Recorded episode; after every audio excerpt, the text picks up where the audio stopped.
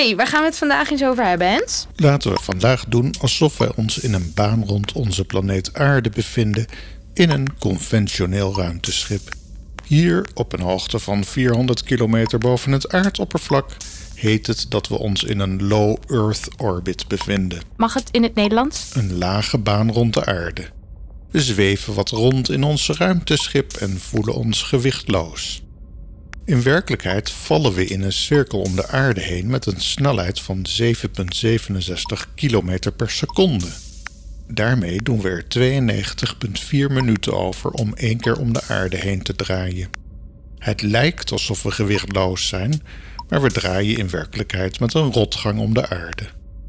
Als u een en ander zelf wilt narekenen, de formules hiervoor zijn bijzonder eenvoudig en ik zet een linkje naar Space Academy in de show notes. Als uw antwoorden ernstig afwijken van wat u leest, vergeet dan niet dat de eenheden moeten kloppen. Reken dan bijvoorbeeld alles in meters in plaats van kilometers. Maar goed, we hangen de rekenmachine weer even naast ons neer in het ruimteschip. Hier zweven we rustig rond en slurpen in gewichtloze toestand van ons ruimtevoedsel. Ook dit ruimtevoedsel zweeft een beetje voor ons uit. Om te voorkomen dat we er een knoeiboel van maken, zit het veilig verpakt in tubes die we leeg kunnen knijpen in onze mond. Misschien kunnen we een foto maken uit het raam van ons ruimteschip. Omdat alles hier anders rond zou zweven, hebben we onze camera met klittenband vastgezet in het ruimtestation. Vanaf hier ziet de aarde er mooi uit, met een duidelijke gekromde horizon die sterk afsteekt tegen de inktzwarte duisternis daarachter. Dat we in een cirkel om de aarde heen vallen is geen toeval. Het ruimteschip bevindt zich precies in deze baan om de aarde omdat de zwaartekracht en de centrifugaalkracht met elkaar in balans zijn. De valversnelling als gevolg van de zwaartekracht is op deze hoogte bijna hetzelfde als op het oppervlak van de aarde. Op deze hoogte is de valversnelling zo'n 9 meter per seconde kwadraat. Op aarde meer 9,8 meter per seconde kwadraat. Om werkelijk los te komen van de aardse zwaartekracht moeten we een stuk verder reizen. Op een afstand van 6 miljoen kilometer van de aarde is de invloed van die aardse zwaartekracht nog maar 1 miljoenste van wat we er op dit moment van ervaren. Om ook nog los te komen van de zwaartekracht van de zon, die een veel grotere massa heeft dan onze aarde, moeten we nog veel verder wegreizen. Pas op een afstand van 3,7 miljard kilometer van de zon is ook die zwaartekracht tot 1 miljoenste gereduceerd. Dat is op dit moment alleen nog maar gelukt met vier onbemande ruimtevaartuigen: Pioneer 10 en 11 en Voyager 1 en 2. Op die afstand spreken we van een microgravity-omgeving. Maar dat betekent niet dat we in onze baan om de aarde geen gewichtloosheid ervaren. Voor onze menselijke anatomie en alle dieren en planten die we ooit meenemen, is het exact dezelfde ervaring met alle voor- en nadelen daarvan. Voordelen zijn dat we experimenten kunnen doen die door de zwaartekracht op aarde verhinderd worden. Hier in een baan van vrije val om de aarde kunnen we kijken wat een plant doet als er geen sprake is van onder of boven. Hier kunnen we gassen en vloeistoffen mengen zonder dat de zwaartekracht onderdelen daarvan naar beneden trekt. Maar op de langere termijn zijn er helaas ook nadelen. Er is de afgelopen decennia veel onderzoek naar gedaan. Wat ook mogelijk was omdat astronauten tegenwoordig maandenlang in het International Space Station verblijven. Een artikel uit 2012 met de titel Prolonged Space Travel Causes Brain and Eye Abnormalities in Astronauts vermeldt een aantal nadelen van zo'n langdurige gewichtloze toestand op het menselijk lichaam. Spieren atrofiëren, wat betekent dat de spiermassa afneemt. De hoeveelheid van bepaalde mineralen in de botten neemt af, wat betekent dat ons skelet minder stevig wordt. De bloeddruk in de hersenen neemt toe. De oogbollen platten af aan de achterzijde. En de optische zenuwen die de signalen van het oog naar de hersenen doorgeven, kunnen juist weer uitzetten en meer plaats gaan innemen. En zo kunnen we nog wel even doorgaan. Het is voor ons, beste stuurlui aan wal, dan eenvoudig om te roepen dat kunstmatige zwaartekracht de oplossing voor al deze problemen is. De afgelopen maanden vroegen diverse luisteraars om hier eens dieper op in te gaan. Dus bij deze. Oké. Het klinkt eenvoudig en we zien het ook veel terug in science fiction films. Kunstmatige zwaartekracht. De reden dat astronauten in films vaak gewoon rondslenteren in hun ruimtevaartuigen is simpelweg omdat het dan beter en makkelijker te filmen is. Voor de fantastische film Apollo 13 koos regisseur Ron Howard ervoor om enkele scènes op te nemen in de zogenaamde Vomit Comet. Een vliegtuig dat gedurende 25 seconden naar beneden valt, waardoor de mensen aan boord het gevoel van gewichtloosheid ervaren. De acteurs moesten voor deze scènes op één dag 80 keer een paraboolvlucht maken met alle nadelen van dien. Acteur Kevin Bacon herinnert zich nog goed hoe hij de kots van een camerapersoon op zich af zag drijven tijdens een van deze paraboolvluchten. In films en series als Star Trek wordt de fictietroefkaart van het label science fiction getrokken en is er een of ander magisch niet bestaand apparaat in het leven geroepen dat zorgt dat iedereen aan boord te allen tijden de aardse valversnelling ervaart. In de show notes van deze aflevering vindt u een link naar een artikel hierover. Dat is goed.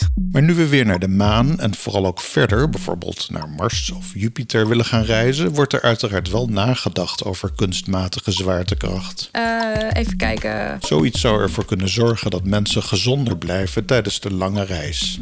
Maar ook zou het verblijf in de ruimte aangenamer worden, omdat het meer lijkt op hoe we dat gewend zijn op aarde.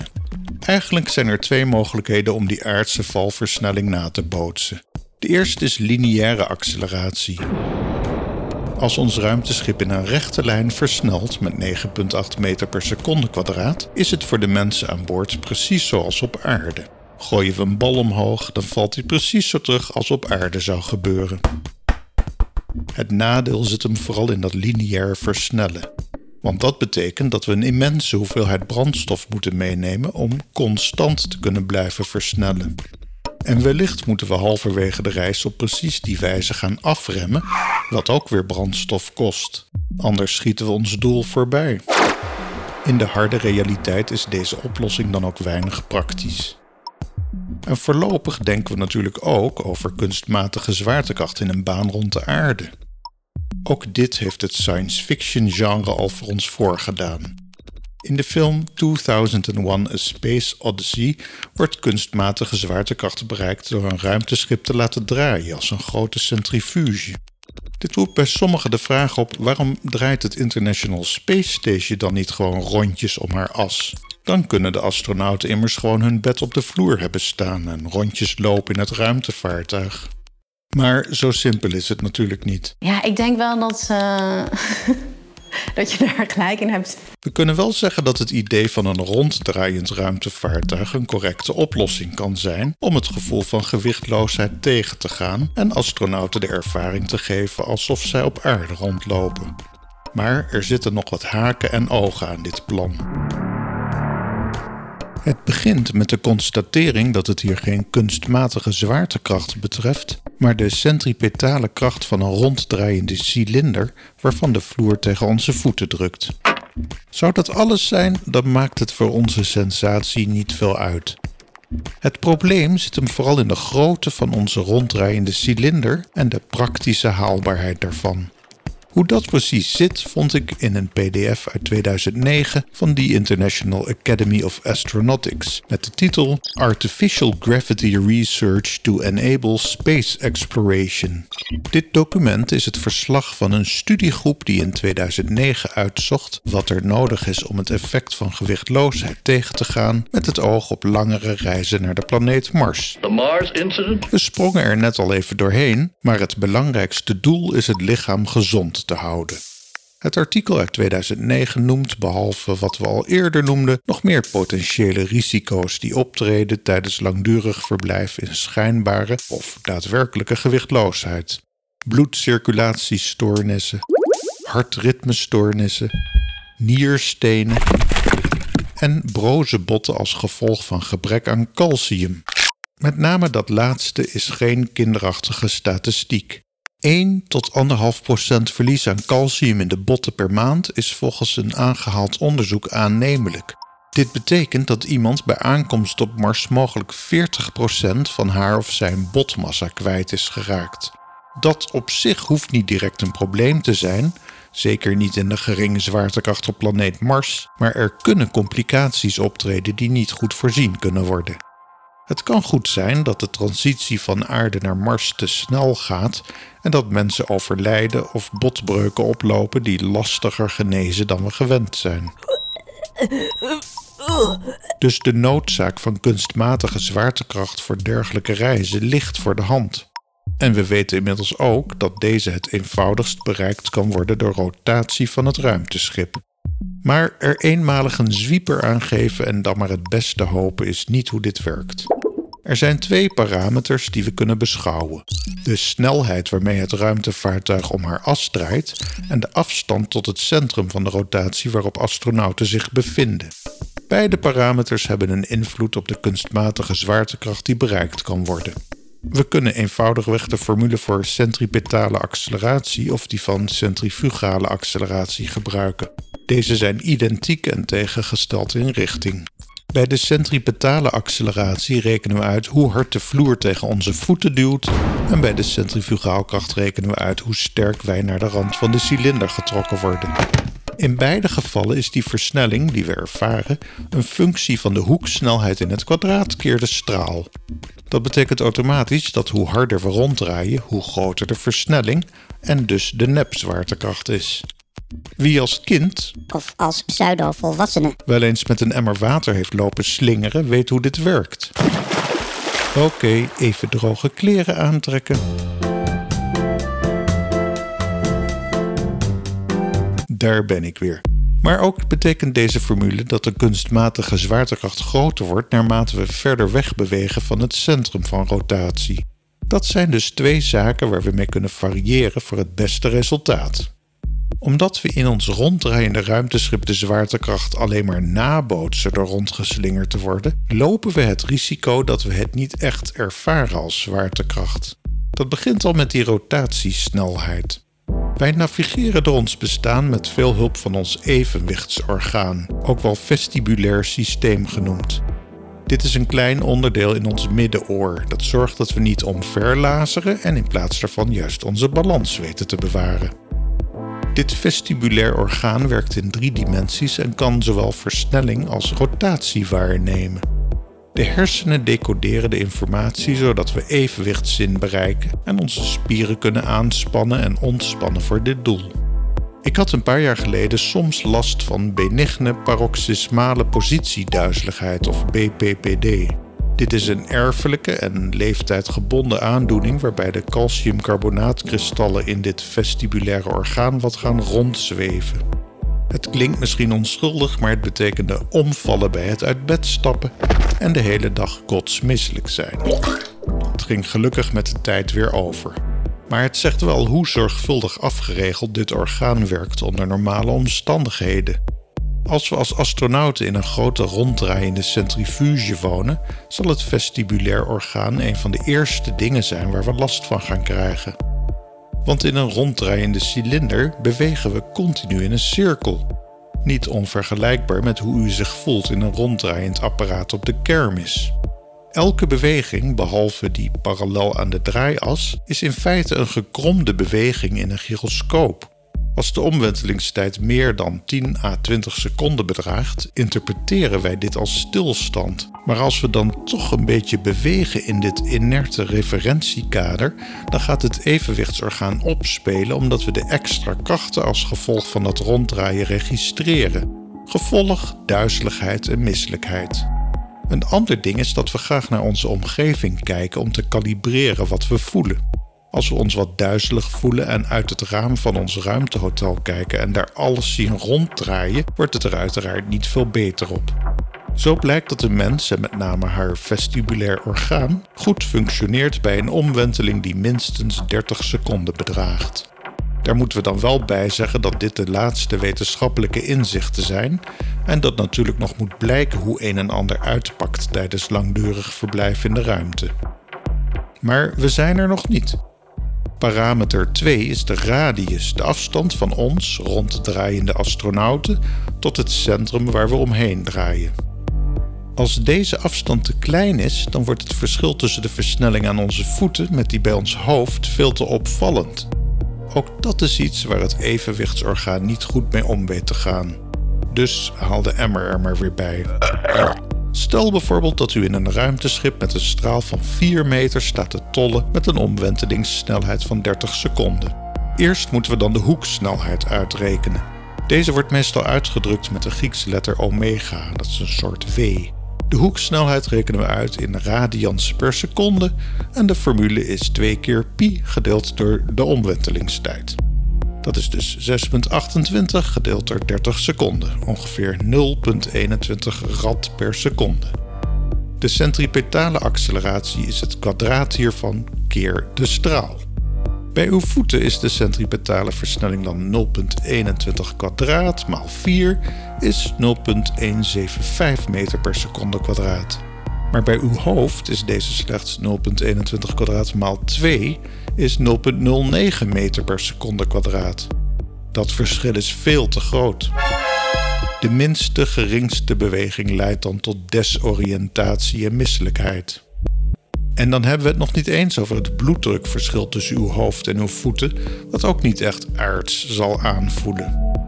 Dus daar kunnen we al uit constateren dat het niet zinvol is het International Space Station rondjes te laten tollen om zwaartekracht na te bootsen. Bovendien blijkt uit die laatste twee berekeningen dat we nog ver verwijderd zijn van de aardse valversnelling kunnen we dan uitrekenen hoe groot ons ruimteschip moet zijn om ervoor te zorgen dat de astronauten aan boord niet kotsmisselijk worden of moeten wennen aan vreemde sensaties in hun middenoor? Well, Zeker wel. that's what I thought. Ik vond een aardig artikel van Adam Weiner met de titel The Physics of Artificial Gravity Part 2 op het internet. Maar de berekeningen kloppen niet helemaal, ook niet als we daar weer twee staat lezen dat er een kwadraat wordt bedoeld. Wat we doen is de centripetale versnelling uitrekenen op basis van de hoeksnelheid en de radius van onze centrifuge. Maar die versnelling weten we eigenlijk al, want die moet zo dicht mogelijk in de buurt komen van die op aarde. Oh ja, inderdaad. We zijn juist geïnteresseerd in de radius van onze cilinder, de grootte van het ruimteschip.